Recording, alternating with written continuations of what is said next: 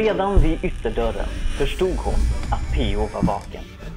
Hans livvakt Andreas Skogholm såg alltid till att aktivera larmet, något familjen själva ofta negligerar. Men nu hade det varit avstängt. När hon kom in kunde hon höra från vardagsrummet en sprakande brasa tillsammans med Minns du sången på låg volym. Han jobbade inte. Då hade han inte ens varit hemma. Nej, han väntade på henne. Hon tog av sig skorna och såg mot trappan. Skulle hon försöka ignorera honom? För sent. Han harklade sig. Han var klädd i arbetskostymen med den löjliga partiloggan fasthållen på kavajslaget. Han satt i sin favoritfåtölj, en hård och fyrkantig sak i rödaktig läder, med ett tomt vinglas i ena handen. I den andra dansade hans telefon piruett mellan fingrarna. Välkommen! Kul lovsångskonsert. Vad vill du? Hon slog sig ner på en stol framför honom. En eh, pojkvän alltså. Han visade upp bilden som hon hade lagt upp någon timme tidigare. Japp, han heter Hanif Bali. Grattis! Han blickade mot vinglaset och verkade besviken över att det inte längre innehöll något. Suck. Jag hoppas du inte vill göra en rasistisk poäng av det här. Rasistisk? Sa Pio med en kraftig utandning som om hon hade berättat ett halvroligt skämt. Det var tyst ett tag. Likt två schackspelare försökte de båda förutsäga den andres drag. Farfars klockan i hörnet av rummet tickade skoningslöst som om en bomb höll på att gå av.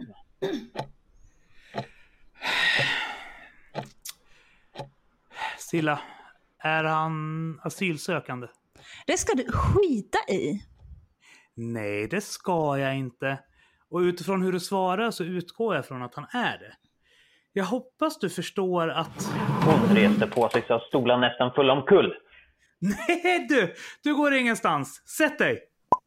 Alltså vilket århundrade är det vi lever i egentligen? Ska du styra över vem jag är tillsammans med plötsligt? Silla Sofia Eriksson, lyssna på mig. Du är en offentlig person, vare sig du vill det eller ej. Vi måste kunna samtala om när du gör saker som kan få stora konsekvenser för både mig och för regeringen. Ta nu och sätt dig! Hon knöt handen innanför byxfickan så att den värkte. Hon visste att det skulle bli så här. Men hon kunde inte fly. Tog hon inte fighten nu skulle han bara fortsätta ta upp det senare.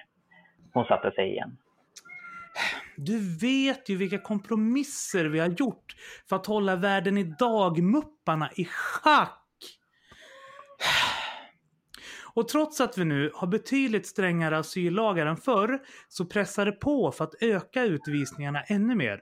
Samtidigt så demoniseras jag av det som vill ha öppna gränser. Du vet Grenholm och sådana. Allt det här försvaras av media om, om, om media får reda på att jag har en asylsökande i familjen. Åh nej, pappa får en dålig dag på jobbet. Alltså låt mig anpassa hela mitt liv efter att underlätta för dig. Men förstår du inte vad som kan hända? Ett, tu, tre, så förlorar vi nästa val och Fritjof ansvarar för migrationspolitiken istället. Då kan du kyssa Hanif Bali och alla hans persiska vänner farväl. Då är hoppet ute för dem. P.O. gestikulerade så mycket med händerna att vinglaset, som han fortfarande höll i, nästan slog i eldstaden. Alltså vad är poängen med att ha makt om ni inte kan göra någonting så grundläggande som att rädda liv? Men det handlar inte om det. Det vi gör just nu är att balansera på en hårfin gräns för att locka till oss så många röster som möjligt. Tro mig, i en perfekt värld skulle jag vilja ta emot många fler, men vi lever inte i en sådan värld. Så ni blir monstret som ni vill bekämpa? Nej, vi stjäl monstrets mat. Och det är fortfarande tusentals som får asyl. Men vår linje måste uppfattas som den pragmatiska och realistiska. Inte drivna av sentimentalitet utan av fakta. Folk får inte tro att min politik beror på att jag vill göra min dotter en tjänst. Så därför vill du att din dotter gör slut? Jag vill att du tänker rationellt kring det här. Och det innebär? Alltså, alltså, alltså så här. Jag är glad att du har funnit någon. Jag är verkligen det. Men ditt liv handlar inte bara om dig. Nej, tydligen så handlar det om dig. P.O. suckade och drog handen över håret. Silla kunde inte hindra sig från att le. Där fick hon till det. Så han är asylsökande. Vad gör du om han blir utvisad? Åker du med honom då? Om man utvisas så är det ditt fel. Du vet att inte det där stämmer. Alltså han är här för att stanna. Alltså jag kommer inte att tillåta något annat. Men varför gå ut med en asyl, asylsökande från första början? Var, varför tar du ens den risken? Det finns en massa ordentliga, välutbildade, unga civilekonomer i blåglansiga skjortor där ute som passar dig perfekt. Ja men åh men förlåt, jag glömde den milslånga kön utanför dörren med hippa, unga, kristna blåa män som går över lik för att bli tillsammans med en 36-årig, stark och självständig kvinna med kinn på näsan. Men du ska inte se ner på dig själv sådär. Och du behöver inte stressa. Du kommer att hitta någon som älskar dig precis som du är. Ja men jag har ju gjort det! Det fick tyst på honom. Han öppnade munnen, stängde den igen och vände sig mot brasan. Han satt länge där utan att säga något. Silla övervägde flera gånger att gå därifrån men kände på sig att hon skulle tjäna på att vara kvar. Har jag någonsin berättat för dig om Klara Zetkin? Hon sa ingenting. En mycket vacker kvinna jag träffade på Ung Vänsters veckokurs 2004. Hon var min guide, skulle visa mig runt i favelorna. Sluta hänvisa till Stockholm som en favela! Men hon kom att visa mig så mycket mer än så. Mat, kultur, drömmar, Södermalm. Vi pratade och pratade till sent på nätterna. Jag tyckte då att hon var den enda personen som förstod mig, som helt delade mina värderingar. Han log, kastade en blick på Silla och lutade sig bakåt i fåtöljen. Jag älskade henne. Men någonstans i mig fanns en röst som talade om för mig att det inte skulle fungera. Hon hade en stor och fattig familj på Järvaslätten som hon inte kunde lämna. Medan jag hade en väntande politisk karriär i Gävle. När jag lämnade henne på centralstationen var jag livrädd att jag begick mitt livs största misstag. Han såg henne i ögonen. Men så var det förstås inte. Jag träffade ju Gudrun och sen kom ni. Livet ger en fler chanser och det bästa resultatet ser man oftast om man har tålamod. Både i politik och i kärlek. Silla vände bort blicken. De visste båda två hur trasig hans relation med Gudrun var. Vad han hade gjort mot henne. Men nu var hon hans alibi för att man inte ska lyssna på sitt hjärta. Hon reste på sig igen. Du, det finns ingenting som du kan säga eller göra som får mig att dumpa Hanif. Ingenting. Hon skulle just börja gå mot hallen när han också reste på sig. Jag förstår det. Du, du är precis lika, lika envis som din mor. Vet du det? Vad var det här? Ger du upp? Ja, jag ser att du verkligen älskar honom. Och det är grunden och botten, grund och botten skönt att veta. Läskigt, men skönt. Han slog ut armarna. Första pojkvännen! Det här ska firas! Han skyndade sig mot köket och plockade fram champagneglas. Silla visste inte om hon skulle vara lättad eller ännu argare. Alltså var det här något jävla test? Menade du allt du sa? Självklart! Och jag menade verkligen allt jag sa. Så nu har vi visat våra kort. Det är väl bra? Vi är ju inte världsmästare på att kommunicera direkt. Här! Säg ingenting till mamma. Han gav henne ett halvt glas med champagne. Skål för kärleken! Än en gång kunde hon inte hindra sig själv från att le. De nickade åt varandra och tömde glasen. det, det, det, det skulle dock vara praktiskt om du kunde ligga lite lågt med det här på nätet. Åtminstone så länge jag sitter i regeringen. Det skulle också vara praktiskt om ni kunde träffa honom snart. Naturligtvis. Vi bjuder in honom så käkar vi middag. Låt mig kolla kalendern. Han fiskar upp telefonen. Um, fredag nästa vecka. Det blir jättebra. Fint! Kom här! Han gav henne en ordentlig kram. Och för en kort stund kände hon sig liten igen, bekräftad och uppmuntrad efter att ha tagit ett stort läskigt steg i livet. P.O.s flicka. Men hon insåg snart att det här var en del av spelet. Han hade misslyckats med en konfrontativ strategi och ville nu styra relationen istället för att avsluta den. Det kunde han gott få inbilla sig att han gjorde.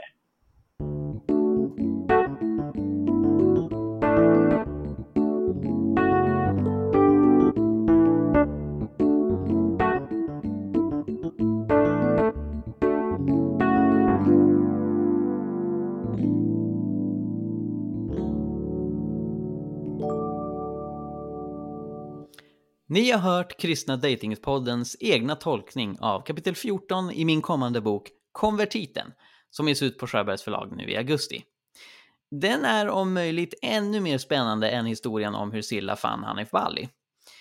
Den här boken följer Lidingö-tjejen Helena Andersson vars liv vänds upp och ner efter att hon blir tillsammans med Hossein Nabizadeh.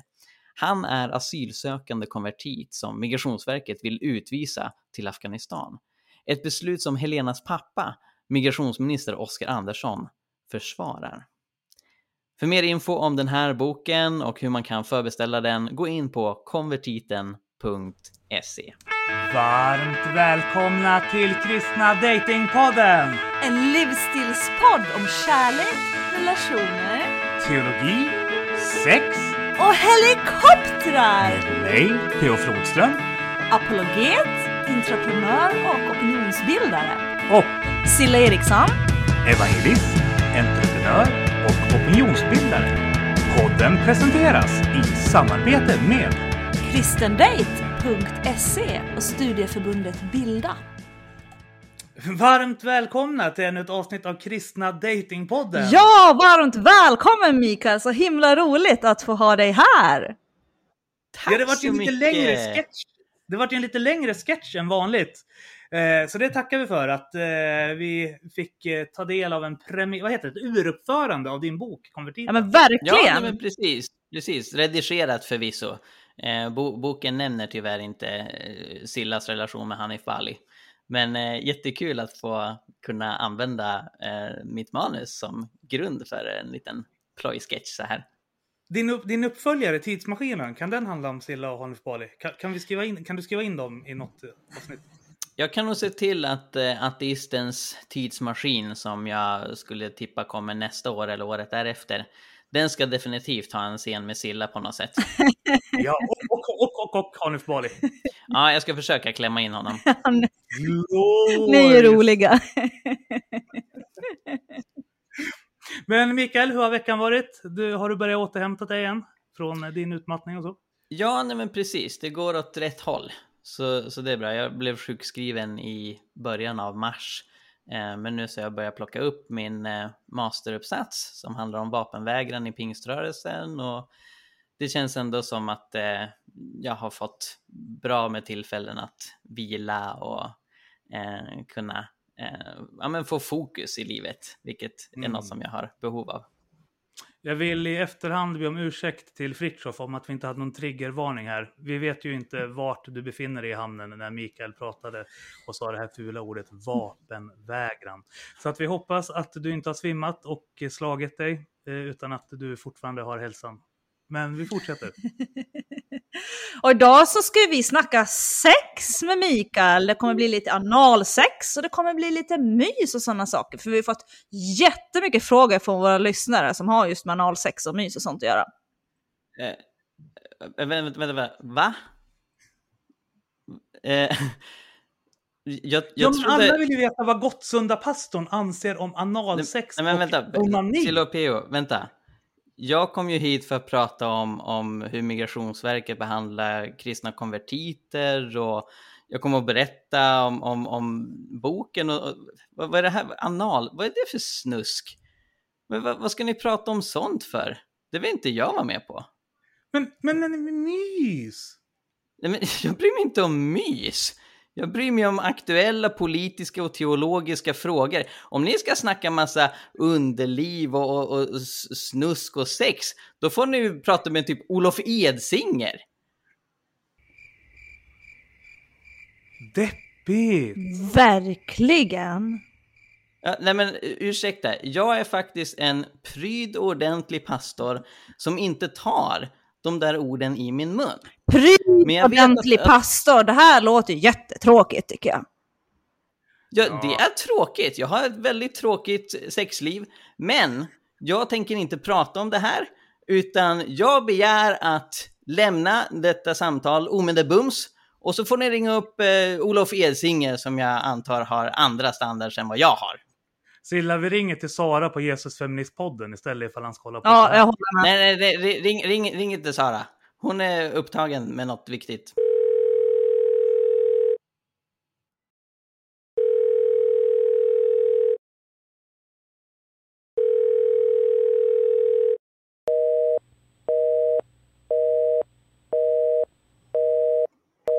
Alltså, Silla, Sara trycker bara bort mig hela tiden. Det låter bara tut, tut, tut, tut varje gång jag försöker ringa. Men vad tråkigt. Varför svarar hon inte? Vi, vi var ju inställda på att vi skulle ha Grenholmarna som gäster liksom. Och nu bara så här, inga nålsex, inget mys, inget... Vadå? Fett tråkigt P.O. Men äh, du, vi kanske ska lyda Grenholmsråden då och ringa Olof Edsinger istället. Men kan vi bara ringa upp honom så här nu, åtta på kvällen? Han är ju småbarnsförälder och så här. Ja men vet du vad, vi gör så här. Jag, jag går iväg och ringer Olof. Så kan vi ju lyssna på David Saving under tiden. Han har ju skrivit en riktig så här miljömuplåt som heter Rescued Earth. Alltså, jag, jag, jag, jag känner så här att lyssnarna kräver kompensation här nu när den stora miljömuppen inte kunde vara med. Den största miljömuppen, det är väl i och för sig Johannes Widlund. Men jag tänker att Grenholm kommer på en välförtjänt andra plats. Ja, precis. Ja. Ja. Det, det kanske vi ska ha någon gång så här ekosex. Så bjuder vi in Sven-Gunnar Hultman, Johannes Widlund, Mikael Grenholm och så pratar vi liksom om eh, kärlek, sex, teologi ur ett ekologiskt perspektiv. Det låter som en glorious idé P.O. Det får vi ta till hösten sen någon gång. ja. Ja. Men absolut, då lyssnar vi på David Saving. Alltså han, han, han har ju skickat oss typ fem låtar och den ena är ju bara bättre än den andra. Så att, en- men vi, vi börjar med den här Rescued Earth där han har tagit med sin familj också. Hur svängig som helst verkligen. Men eh, gå, gå och ring Edsinger då och Ja, vi jag ringer Edsinger så, mm, precis. Men, men var tydlig med att eh, vi eh, vill prata analsex med honom så att det inte blir samma sak igen. Här bara Absolut, absolut. Vi ska snacka Okej. analsex. Ja, Då, då ses, hörs vi efter veckans låt. ja.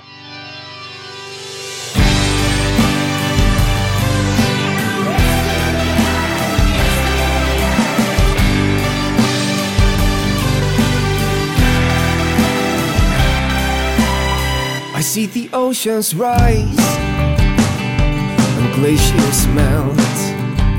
A violation of Mother Earth, a planet in turmoil. Oil is the drug, we are the addicts. Full speed ahead for the edge of a cliff right in front of us. A road to disaster.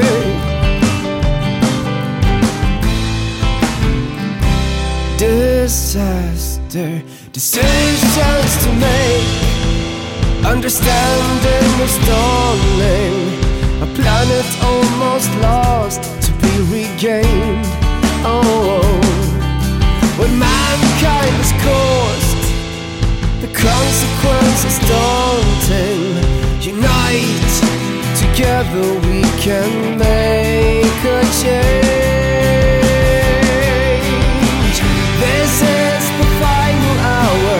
Rescue the earth, rescue the earth. It's time that we make a change.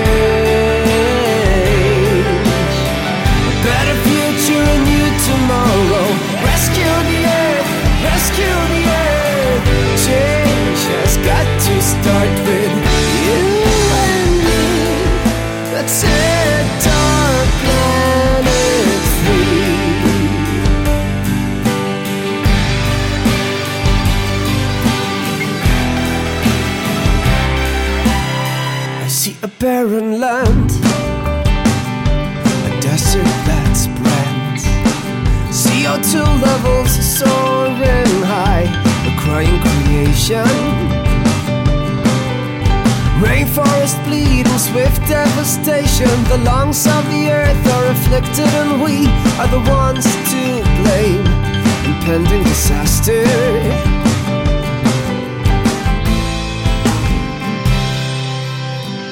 This is the final hour. Rescue the earth, rescue the earth. It's time, and I'm talking about you and about me too. Let's make a change. A better future, a new tomorrow. Rescue the earth, rescue the earth. Change, it starts with you and me.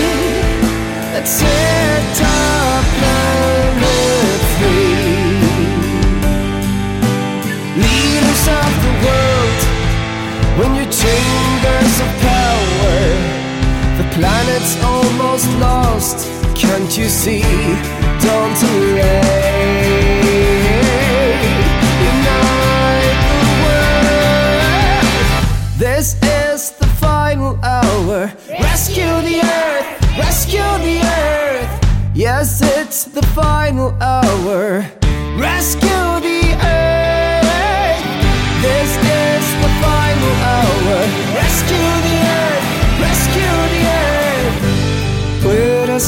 gotta start here and now.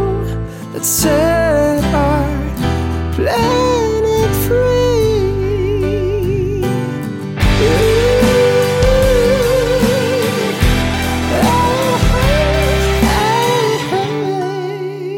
Välkommen tillbaka Olof Ja, Edsinger! välkommen tillbaka! Här- Hur har du haft det sen sist Olof? Har det varit glada? Jo, ja, det är ingen fara med mig inte. Olof, det här avsnittet har vi ju för att vi har skickat ut till lyssnarna och till användarna på kristendate.se. Vad har du alltid velat fråga Olof Edsinger men alltid varit för blyg för att Mm. våga fråga? Eh, att kvällens avsnitt eller veckans avsnitt är ju liksom ett utflöde av den känslan. För du är ju liksom en person som går omkring med så mycket kunskap men ibland så vågar människor inte riktigt ställa de här brännande frågorna till dig. Och jag har en fråga som jag har varit sjukt nyfiken på skitlänge Olof. Och eh, jag och Silla har bråkat om det här i veckan också, vad ditt svar kommer att bli. Så vi har satsat en liten hundring var här på vad utfallet kommer att bli.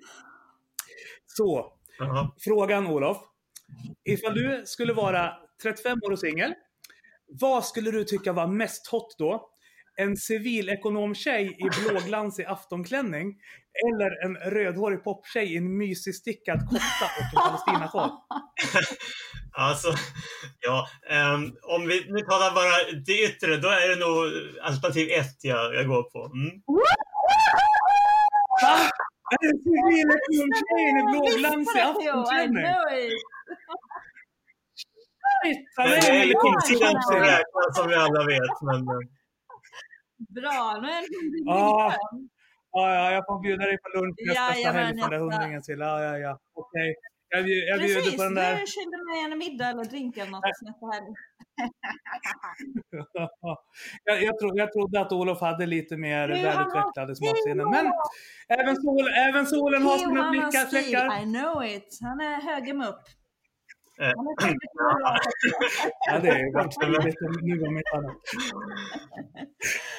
ja. Ja, men vad Men, men Palestina-sjal men idag är det ju lyssna, idag är det ju lyssna frågor på schemat som Yes. sagt. Ja.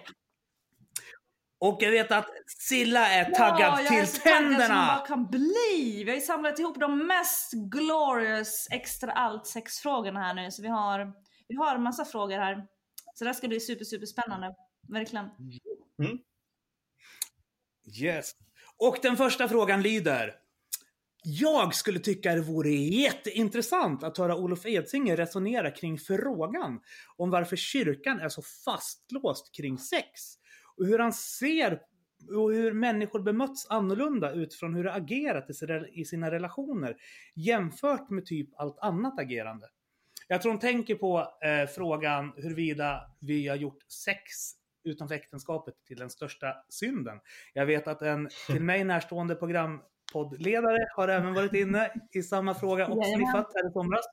Så nu ställer vi Ja. till dig Olof. Tack. Nej, men det är ju en bra fråga på ett sätt och man kan också problematisera frågan. Jag sa ju i vårt förra avsnitt att eh, kyrkan hade rykte om att tala mycket om sex och det håller jag ju inte alls med om.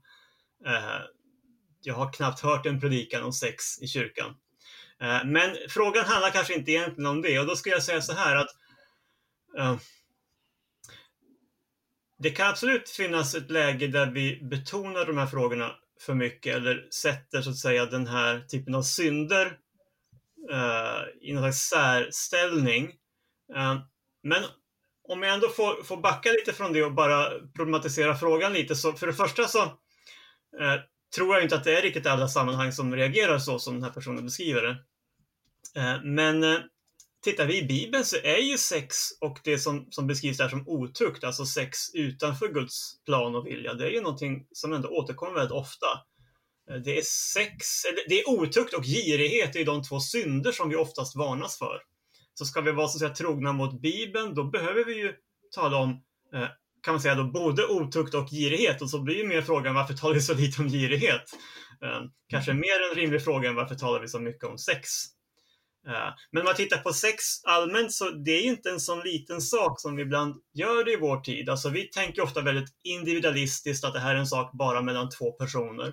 Eh, Men sex är ju också det som är kittet som håller samman familjer. Det är genom sex som det kan bli barn. Eh, Det är när sex inte fungerar, när man är otrogen, som familjer splittras, som får enorma konsekvenser både för individen och faktiskt för sammanhanget runt omkring det. Eh, så det finns en helhetssyn här som vi måste liksom påminna oss om, som gör att frågan kanske inte är så liten trots allt. Um, nu anar jag att i den här frågan ligger också att man, man kanske då i kyrkan har, har lyft fram den här synden oproportionerligt. Och då tänker jag så här att, som sagt, det kan säkert stämma. Man kan ha gjort det oproportionerligt. Eh, men det är också så att de här mer uppenbara offentliga sakerna, om vi talar synd, det som, som faktiskt är uppenbart för omgivningen, det påverkar ju liksom det sociala systemet mer. Girighet är inte alltid uppenbart för alla.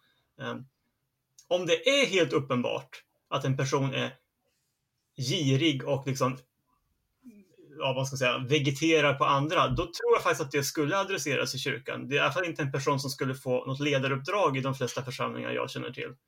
Eh, Men det är väl lite så att det här med eh, våra relationer, det är ju av naturen offentligt och därför blir det också en större sak i liksom det sociala sammanhanget. Det var några reflektioner kring det. Yes. Ska vi ta... Eh, vi har också en annan... Eh, vi har en till fråga här som Ja. har kommit in som Silla har skrivit in i mitt Ja, manus att jag ska ställa innan jag bollar Nej, det över till är min Silla. fråga Theo. Du har kört in, vi ska köra varannan Har vi fråga. olika manus? Eller, Jaha, eller okej. Ja, nu har du satt in en extra fråga. Men jag kör den här. Eh, en del som menar ju att all sex som inte syftar till reproduktion är syndigt. Finns det några bibliska belägg för det? Eh, nej, alltså om, om frågan är om det, sex ska syfta till reproduktion, då, då tror jag inte att det är vad Bibeln säger. Eh, om man tittar på eh, första Moseboken så ser vi ju i och för sig då att i kapitel 1 så talas det om det här uppdraget att eh, reproducera sig, vara fruktsamma, föröka sig. Eh, men när vi sen läser nästa kapitel som också talar ganska mycket om, om sexualiteten, då nämns inte fortplantningen specifikt. Utan där ligger betoningen på att man blir ett i äktenskapet och det handlar ju mer om föreningen mellan man och kvinna. Självklart kan det leda till barn och det finns ju underförstått på något vis, men, men det är inte det som betonas där. Eh, samma sak i Höga Visan, där är det mer samspelet mellan de älskande som betonas. Eh, och jag tänker så här att eh, Bibeln ger absolut en bred belysning av vad sex handlar om och det handlar inte alls bara om att få barn. Däremot så tror jag att det är självklart för Bibelns författare att sex ska man inte ha med någon man inte är beredd att få barn med. Så att man får skilja mellan att syftet inte är nödvändigtvis är att få barn eh, i alla lägen, men man bör inte ha sex med någon man inte är beredd att få barn med. Mm. Det är därför som sex också placeras i äktenskapet, där det finns förutsättningar för att ta hand om till exempel barn. Eh, så. Mm. Precis. Ja, nej, men bra, bra svar.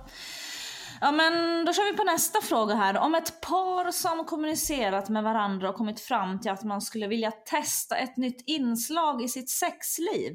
Hur äventyrliga kan man då vara i sängen? Hur ser du på BDSM? Är det okej okay om båda parter är med på det? Anser du att det är okej okay att titta på paret tillsammans om man vill få lite inspiration? Vad säger du om det? Ja, det berörde ju faktiskt också lite i vårt förra eh, avsnitt. Um, det här med vikten av, av samhörighet och någon slags ömsesidighet i det som sker. Och, och, och, vi ska inte vara för snabba med att dra gränser där tror jag. Alltså det som sker i, i, i samhörighet, i kärlek, i, i, i trygghet inte minst. Uh, det, det är nog generellt någonting vi kan vara frimodiga kring. Men nu gäller ju också frågan BDSM. Och det är klart, mm. här tänker jag, alltså Bibeln talar om våra kroppar som kristna i alla fall, som tempel för den helige Ande. Eh, och Paulus skriver så här, vet ni inte att era kroppar är Kristi lemmar? Ska jag ta Kristi lemmar och göra dem till en skökas lemmar? Nej, naturligtvis inte. Alltså, om jag är ett tempel för den helige Ande, om mina lemmar är Kristi lemmar, då kan jag inte gå till en hora och ha sex med henne, för då, då tar jag med Kristus in till en hora, så att säga. Det är det Paulus säger, första Korinthierbrevet 6. Och här tänker jag lite samma sak med BDSM. Kan jag verkligen ta Kristi lemmar och ägna mig åt BDSM? Ehm, jag skulle faktiskt svara ganska tydligt nej på den frågan. Jag tänker också att hela idealet om ömsesidighet ehm, och respekt blir konstigt i ljuset av BDSM. Jag vet att båda i ett BDSM-förhållande kan vara med på det. Eh, men det rollspel som sker där eh, är väldigt långt ifrån det bibliska idealet för en jämlik relation mellan man och kvinna. Ehm, så det tror jag faktiskt inte att vi ska göra. Mm. Uh, ja, just det, det var det här med porr också. Ja, um, alltså, jag tillhör ju då de som i grunden är skeptiska till porr uh, av många skäl. Alltså, först och främst för att hela industrin är så genomkorrupt och innehåller så många inslag av, av utnyttjande. Så att bara så att om vi tänker porr som en produkt så är det en väldigt sunkig industri bakom produkten. Eh, sen är det ju också så att porr eh, gör någonting till en, en, vara att konsumera som jag mer tänker är tänkt för någonting väldigt personligt och intimt sammanhang. Det blir, eh, det blir fel att, att som jag ser det, att, att, att reducera sexualiteten till, till någonting som, som man kan spela upp på, på en film för andra att hetsas av. Men, men eh, jag inser att man kan tänka olika här. Eh, och jag förstår att man kan ha en svår situation i en relation där man kanske har tappat gnistan och, och då kan jag förstå att, att man kan naturligtvis triggas tillsammans också i, i, utifrån porren. Men, men för mig är porr som fenomen så problematiskt att jag, jag är obekväm med det. det är. Mm.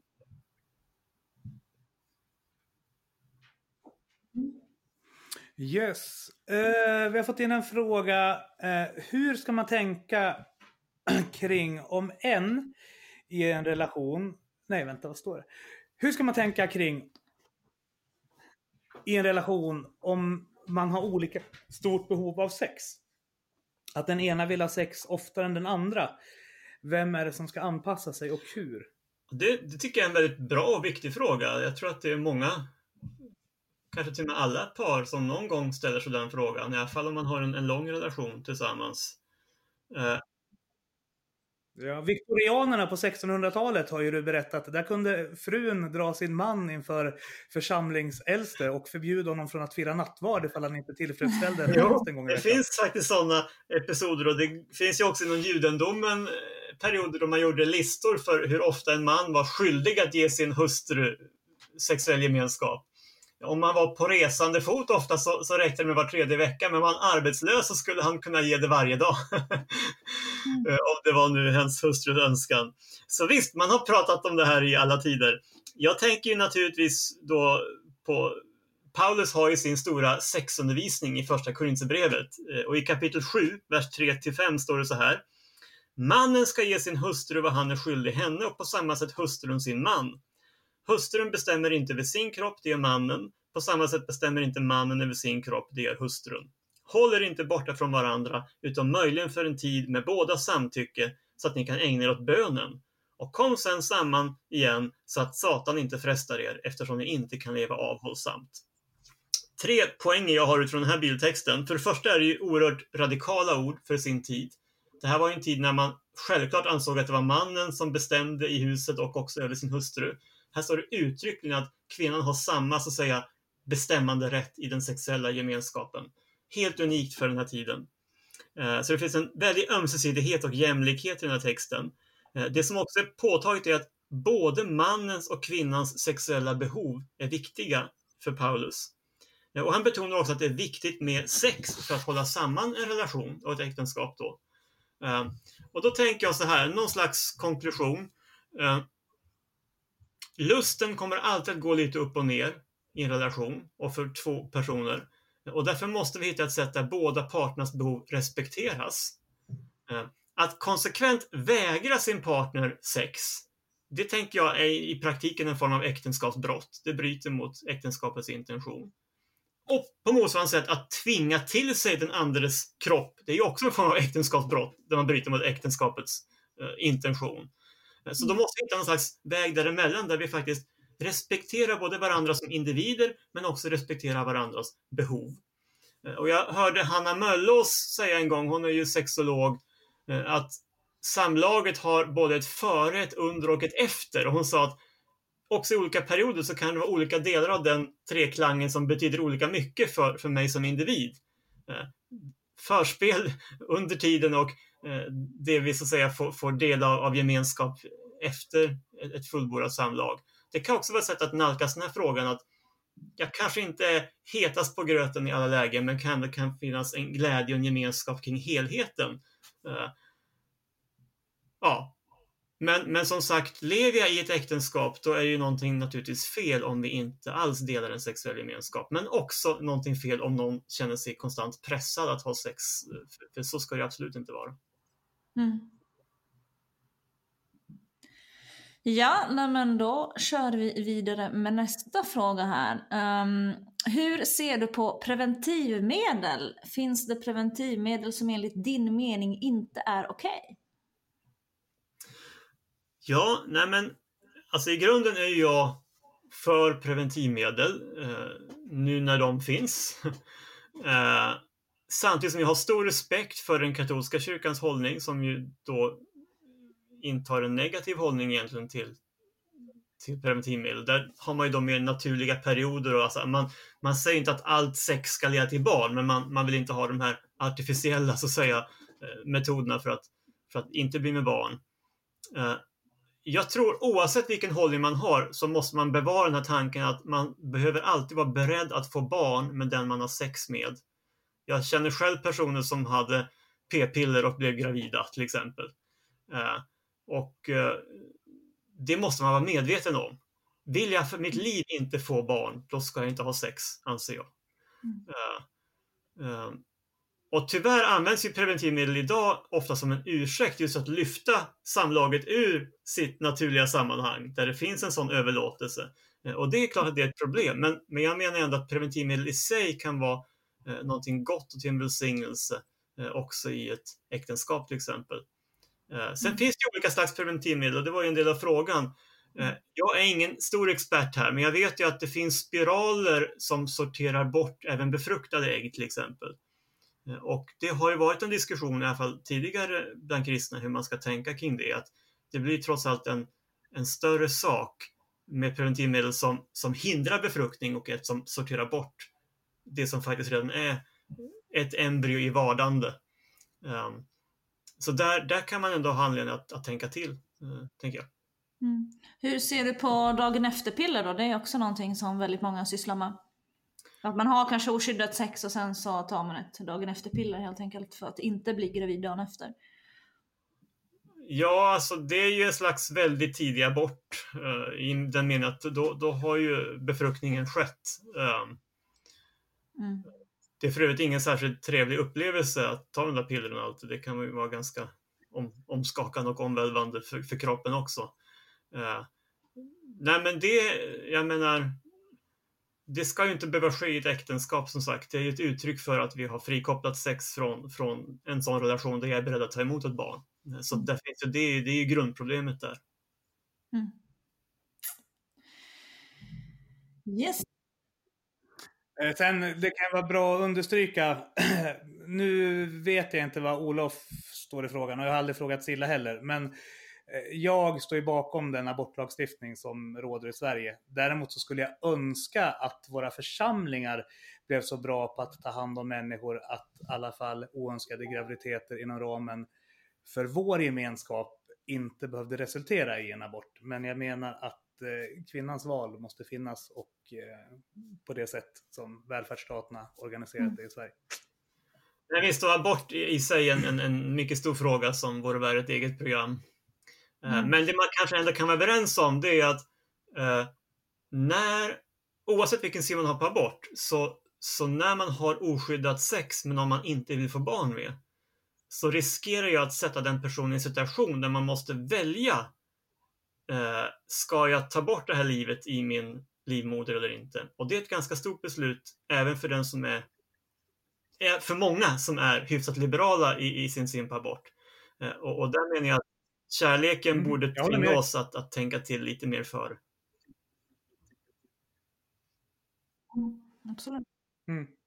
Och vi borde ha församlingsgemenskaper som optimerar möjligheterna för människor som blir oönskat gravida. Även Verkligen det också. Och det tänker jag nästan Kunna- som en självklarhet. Men jag vet att det inte alltid är en självklarhet. Yes. Men eh, ska vi prata om roligare ämnen igen? Jag, så, jag såg att... eh, om man önskar förbättra sitt... Är den här frågan från svärden idag, Silla? Om man önskar förbättra sitt sexliv, vilka är dina bästa Varför tips? tror du att den är från Svärden idag? Den var inte formulerat så som de skulle ha formulerat. Jag antar att de tjuvlyssnar på det här samtalet. De har ju gett sig på mig några gånger på just det här området. Men jag tror de har misstolkat mig, för jag står inte riktigt för det de har tillskrivit mig faktiskt. Eh, sen är det ju utifrån den här frågan så att jag är ju ändå mer teolog än sexolog. Så jag ska liksom inte ta mig vatten över huvudet. Eh, det finns ju flera väldigt bra böcker också faktiskt mot en kristen eh, bakgrund. Um, A Celebration of Sex av Rosenau och The Gift of Sex av Penner. Eh, Två klassiker i ämnet som faktiskt går in väldigt djupt och detaljerat i de här frågorna. Hur kan jag förbättra, eller hur kan vi förbättra vårt sexliv är naturligtvis frågan där. Eh, om jag ska säga någonting så handlar det ändå i grunden om att lära känna varandras kärleksspråk.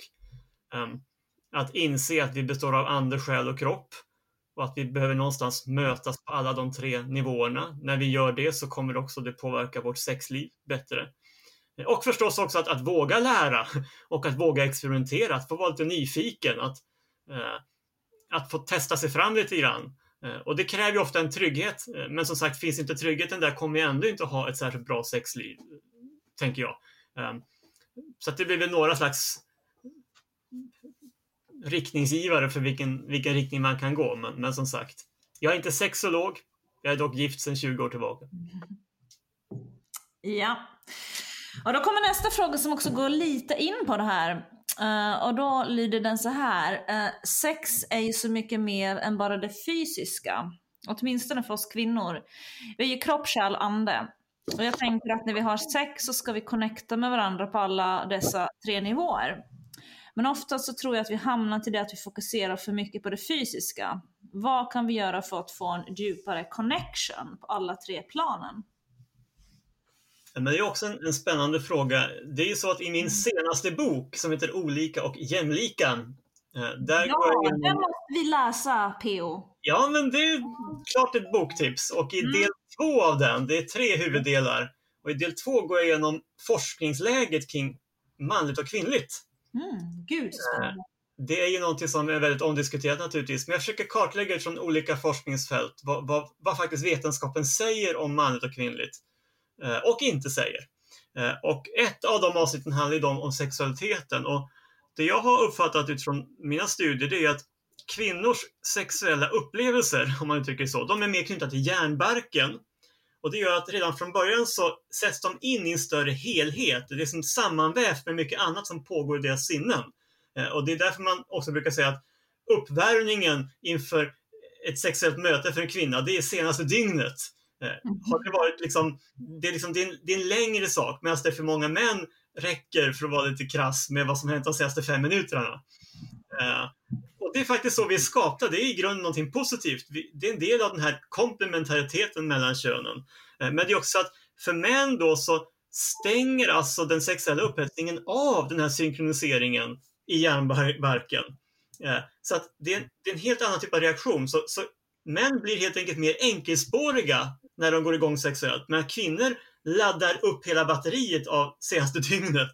Ehm, det här är också förklaring till varför män eh, bevisligen har mycket mindre steg till att gå till prostituerade. Ehm, många kvinnor upplever det som väldigt stötande, med all rätt, eh, men kan kanske inte ens förstå dynamiken i det. Och det är ju delvis för att man funkar olika. Det vore helt enkelt otänkbart för de flesta kvinnor att, att gå till en prostituerad medan det för, tyvärr får man ändå säga, att många män eh, verkar funka ganska bra för att man liksom behöver inte sätta in samlaget i den större helhet som det ju egentligen, som jag ser också, hänger ihop med. Um, så uh, poängen här blir helt enkelt att vi funkar lite olika uh, och kvinnor är lite bättre rustade för att tänka helhet kring de här sakerna uh, medan då män Eh, är lite mer enkelspåriga ofta. Rent biologiskt då får man ju tillägga. Eh, det som är tragiskt är ju att väldigt mycket av det sätt vi hanterar sex i vår kultur sker på den manliga sexualitetens villkor. Eh, Tinder är ju ett klockrent exempel som, som går på ganska mycket av liksom, ja, men ytan, det man ser och liksom det som är, är pang på och så. Och här tror jag att särskilt män behöver utmana sig själva att bredda perspektivet och framförallt investera i relationen på, på ett annat sätt. Man kan inte vara för enkelspårig kring det här. Det är ju också bevisligen så att det är betydligt fler kvinnor som tar initiativ till skilsmässa än män och det tyder på att kvinnor kanske generellt har lite högre krav och det hänger ihop med det här. Eh, så att här behöver kvinnorna lära männen att tänka helhet, ande, själ och kropp som du sa. Eh, och, eh, och samtidigt så behöver vi se att den här eh, skillnaden mellan manligt och kvinnligt är ju också någonting som är en tillgång. Det skapar en dynamik, en, en, ett samspel som, som kan få befrukta varandra, bokstavligt talat. Um, uh, ja, så det var väl lite tankar kring den frågan. Mm. Ja, en intressant grej också som jag funderar på. Det här, jag, kom, jag har samtalat med så många av mina killkompisar om det här med sexdrift. Och de, alltså män hävdar ju alltid att de har så mycket starkare sexdrift, om man nu generaliserar så här, än vad vi kvinnor har. Och jag, jag, jag, är ju alltid, jag blir alltid så fruktansvärt anti varje gång jag får höra det, för jag håller ju aldrig med. Jag tror definitivt inte att det är så att vi kvinnor har en svagare sexdrift än vad män har. Jag tror att det är högst individuellt. Jag tror inte att man kan generalisera att det är så. Eller vad, tycker, vad säger du Olof om det? Ja. Jag måste bara flika in där också att min erfarenhet, för jag har ungefär lika många tjejkompisar Mm. som du har killkompisar till. Mm. Och det är också Ja, där det är faktiskt. trams. Alltså, det, det är så här, man måste nalkas frågan på lite olika nivåer. Alltså, det som är det som, som eh, driver sex, eh, sexdriften och det sexuella intresset hos oss är ju ganska mycket testosteronet. Både hos män och kvinnor. Eh, och det är klart, män har betydligt mer testosteron, så där finns en sån hormonell faktor. Eh, eh, och jag, jag läste en, en hjärnforskare som, som skrev så här att eh, en tonårspojke har vanligtvis 3 till 6 gånger större sexdrift än flickor i samma ålder. Eh, men det betyder ju inte att lusten skulle vara eh, mindre stark. Man måste skilja på sexdrift och lustupplevelse och längtan efter närhet är också för mig någonting delvis annat. Så att, som sagt, det finns flera nivåer i den, den saken. Eh, och Mm. ja, jag tror att det, det är svårt att bortse från att det finns vissa biologiska skillnader här, men man kan ju missbruka så att säga också biologiska fakta eh, till att dra slutsatser som inte är, är rimliga. Mm. Yes. Men avslutningsvis Olof skulle jag vilja göra lite research. Eller ja, både jag och Silla skulle vilja göra lite research på dig. Det är så här att när ni lyssnare eh, hör det här på fredag eftermiddagen den eh, 23 Mhm. oktober borde det vara det här avsnittet släpps. Då sitter jag och Silla och eftermiddagsfikar med Sveriges i särklass vassaste apologet uppe på Svenska Evangeliska Alliansens huvudkontor på Hyttmakargatan 8. Och vad ska vi då, när jag och Silla träffar denna nestor och legend inom apologetiken snacka om? Ska vi diskutera teodicéproblemet? Ska vi prata om Kalams gudsargument? Nej! Det är ju jag och Silla. Så det vi ska prata med Stefan Gustafsson om är onani! Så att inför det samtalet så vill vi ha lite grann på fötterna, Olof. Så att vi tänkte kolla lite grann med dig först inför det här eh, legendariska mötet med Stefan Gustafsson. Vad tycker Olof Edsinger om ämnet? Eh, ja, nej men det första man kan säga är att onani har ju väldigt lite att göra med, med den här mannen Onan som nämns i Gamla Testamentet. Så att, eh, just den, den storyn kan man kanske lämna därhen. Eh, om jag tittar tillbaka på, på människor jag har mött, till exempel som ungdomsledare på olika läger och så, och där vi har kommit in på den här frågan, eh, Eh, så har jag mött två helt olika förhållningssätt till onani. Eh, dels har jag mött personer som har fastnat i ett nästan tvångsmässigt onanerande. Eh, som liksom aldrig kan tagga ner kring sin sexualitet. Ofta konsumerar de ju rätt mycket porr. Inte alltid, men, ofta går det ju hand i hand. Och så finns det på andra sidan av spektrat personer som nästan har beröringsskräck för sina egna könsorgan. Verkar väldigt besvärade över sin sexualitet i allmänhet. Definitivt sitt eget kön. Eh, får väl ändå ärligt säga att, att oftast har det handlat om, om tjejer. Eh, Men där, där då tanken på att tillfredsställa sig själv är, liksom, det är liksom helt avlägset. Så det är som två ytterligheter om vi tänker onani. Eh, vad skulle jag pastoralt ge för råd till respektive grupp? Det är ganska olika. Eh, och jag, när jag tittar i Bibeln så ser jag ju för det första att Bibeln aldrig förbjuder onani. Det, det finns liksom ingen sån text. Eh, Jesus talar ju om att den som ser med begär på en kvinna eh, har redan begått äktenskapsbrott med henne i sitt hjärta. Det är ju kända ord från Bergspredikan. Och här tänker jag att det kanske inte finns porren som egentligen problematiseras. Alltså det här någonting yttre som triggar mitt sexuella begär på ett sätt som, som inte är, är, är bra. Eh, och porr har jag ju redan tidigare sagt att jag inte tror är särskilt lyckat.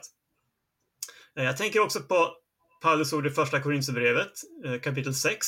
Allt är tillåtet för mig, men allt är inte nyttigt. Allt är tillåtet för mig, men jag ska inte låta något ta makten över mig. Och här tänker jag att det här med tvångsmässigt onanerandet ändå kommer in. Många upplever att det här faktiskt har fått makten över mig. Sexualiteten har blivit herre över mig istället för att jag är herre över min sexualitet. Och det skulle de flesta själva uppleva att de, de kan på säga att det här, jag är inte stolt över det här, jag är inte glad över det här. Uh, men så har vi också de här orden om eh, ömsesidigheten i den sexuella gemenskapen som jag läste tidigare i första Korinthierbrevet 7. Eh, och, att eh, det finns någonting i onanin som, som ändå aldrig kommer vara the real thing. Och det är ju på ett sätt helt självklart. Alltså, men om vi tänker att sex är skapat för gemenskap med andra människor så är det många som ändå upplever att visst, det kan vara skönt, men det, det blir ändå någon slags tomhetskänsla, kanske till och med ensamhetskänsla som infinner sig hos många kring onanin. Eh, och, och min poäng med det här är helt enkelt att säga att nej, jag tror inte Bibeln förbjuder onani. Jag tror att onani till och med kan vara någonting positivt i meningen att man får lära känna sin kropp. Ska jag kunna ge mig fullt ut till en partner så är det väldigt konstigt om jag inte ens känner min egen kropp och mina egna funktioner. Eh, och det ska jag kanske särskilt säga till de här som har fått den här beröringsskräcken inför sitt eget kön. Men hur ska de kunna hänge sig i en sexuell gemenskap? Det är klart att det, det, det kommer drabba dem båda i det avseendet. Eh, men det är klart, för den här personen som har fastnat i porrberoende, liksom aldrig kan liksom, det går knappt en dag utan att man behöver onanera. Den personen har en annan brottning och där, där handlar det om att hitta ett sätt att bli fri från det beroendet. Eh, och det är kanske ett större problem om vi tänker statistik i Sverige idag.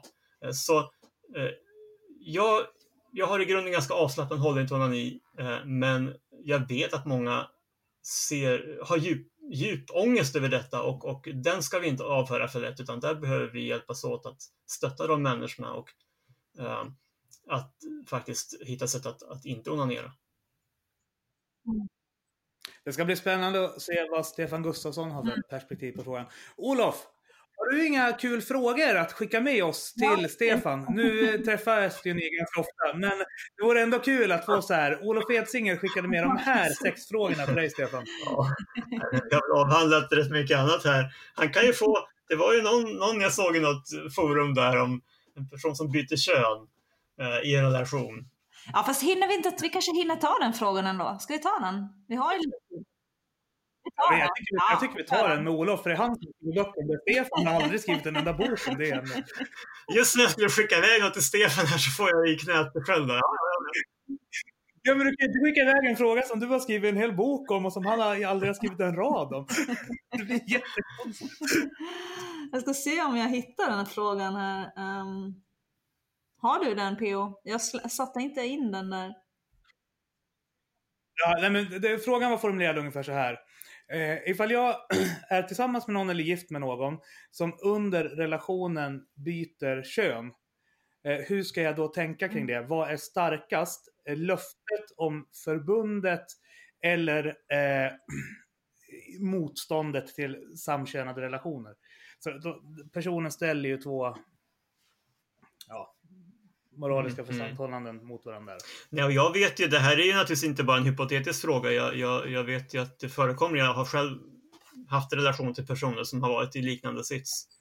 Ehm, men, men jag, i en mening är det ju en väldigt komplicerad situation, men, men i en annan mening så tänker jag att, att mitt svar blir ganska självklart. Och det är att eh, en person som gör en sån dramatisk resa som också får sån konkret effekt på, på samlivet i en relation, det, det för mig skulle vara en självklar grund för en, en legitim skilsmässa. Eh, så på ett sätt, det- blir mitt enkla svar. Men, men det är naturligtvis, där det här sker så är det ju en resa som, som skapar väldigt många processer och, och tankar och våndor. Eh, Mm. Men, men där är vi tillbaka i den här första Korinthierbrevet 7 också, när man liksom inte alls har möjligheten till att, att ömsesidigt ge sig till varandra. Eh, utan kanske tvärtom förväntas ge sig till varandra på, på helt andra premisser än, än det man gick in i. Där, där blir det svårt att, att förvänta sig att den relationen ska kunna bestå. Mm. mm. Ja, det blir lite samma typ av frågeproblematik som ifall till exempel då en lesbisk gift sig med en bisexuell, de lovar varandra evig trohet, en livslång överlåten relation.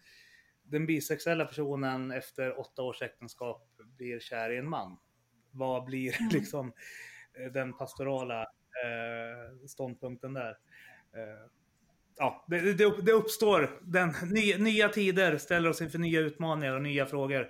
Eh, och därför tycker jag det är kul att brottas med bland annat dig Olof. Ja, men det, nej, men så är det verkligen. Och så samtidigt, eh, visst, det är precis som du säger PO, men, men så annorlunda är det inte. Till och med Jesus nämner i Matteus 19 situationer eh, av personer som inte kan gifta sig, som han då säger, av lite olika skäl. Eh, och där det här... Och där finns det ju olika idéer och Förvisso. Men, men, men, men det är bland utifrån det jag också tycker att svaret blir ganska enkelt för mig. Att, att även Jesus säger att i ett sånt läge, då är äktenskap inte aktuellt på något vis. Ja. Och för mig är inte det svaret så enkelt eftersom jag läser den texten annorlunda. Men det kanske är ett program för Pennys kultursällskap. Det göra lite smygreklam. Du får göra reklam för dating Silla så att vi får Man kan liksom inte in göra så mycket. Jag skulle, jag skulle sätta upp ett event i december. Jag skulle ha en julfest jag tänkt. Men jag vågar inte sätta upp den eftersom gränsen fortfarande inte har gått från 50 till 500 pers. Vi får se lite hur det blir. Ja. Men, Mm. Och sen, åh, jag vill göra reklam för en till grej. Min och Mikael Grenholms senaste projekt. Otroligt! Nu kom Det är fram där. Ja! En svensk version av Unbelievable. Eh, en apologetikkanal där vi ställer olika representanter för livsåskådningar eh, i diskussion och debatt inför varandra. Så det kommer jag nog att bjuda in dig till Aha. Olof någon gång. Och dig också Silla i någon diskussion där du kanske kan vara Aha. Olof Edsinger helt enkelt. Det blir en kvinnlig Olof Edsinger om typ 10 år. Mm. Det. Ja, eller så är Olof Edsinger en äldre manlig motsvarighet till dig.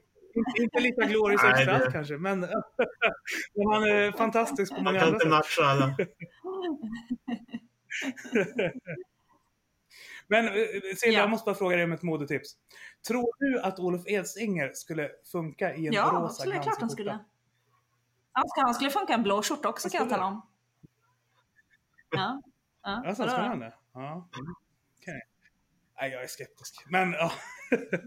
jag, jag tror Olof eh, mer passar in svart skjorta. Lite strikt, respektingivande, Nej, liksom det- lite Nej, avsparat. nej, nej, jag håller inte Men- med. Han, han har lite där glorious extra alltid. Jag ser det. Så jag tror definitivt han skulle klä i både en blå och en lila skjorta. Blå. Ja, han, är, han är ju snäll och trevlig, jag säger ingenting annat. Jag bara tänker mig att han har lite mer strikt och konservativ klädsel. Jag går nästan aldrig kavaj kan jag avslöja. Eh, Så, så där.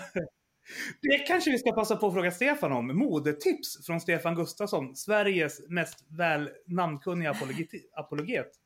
Det vore lite kul, lite så nya, nya perspektiv på Stefan Gustafsson. Värt ett försök.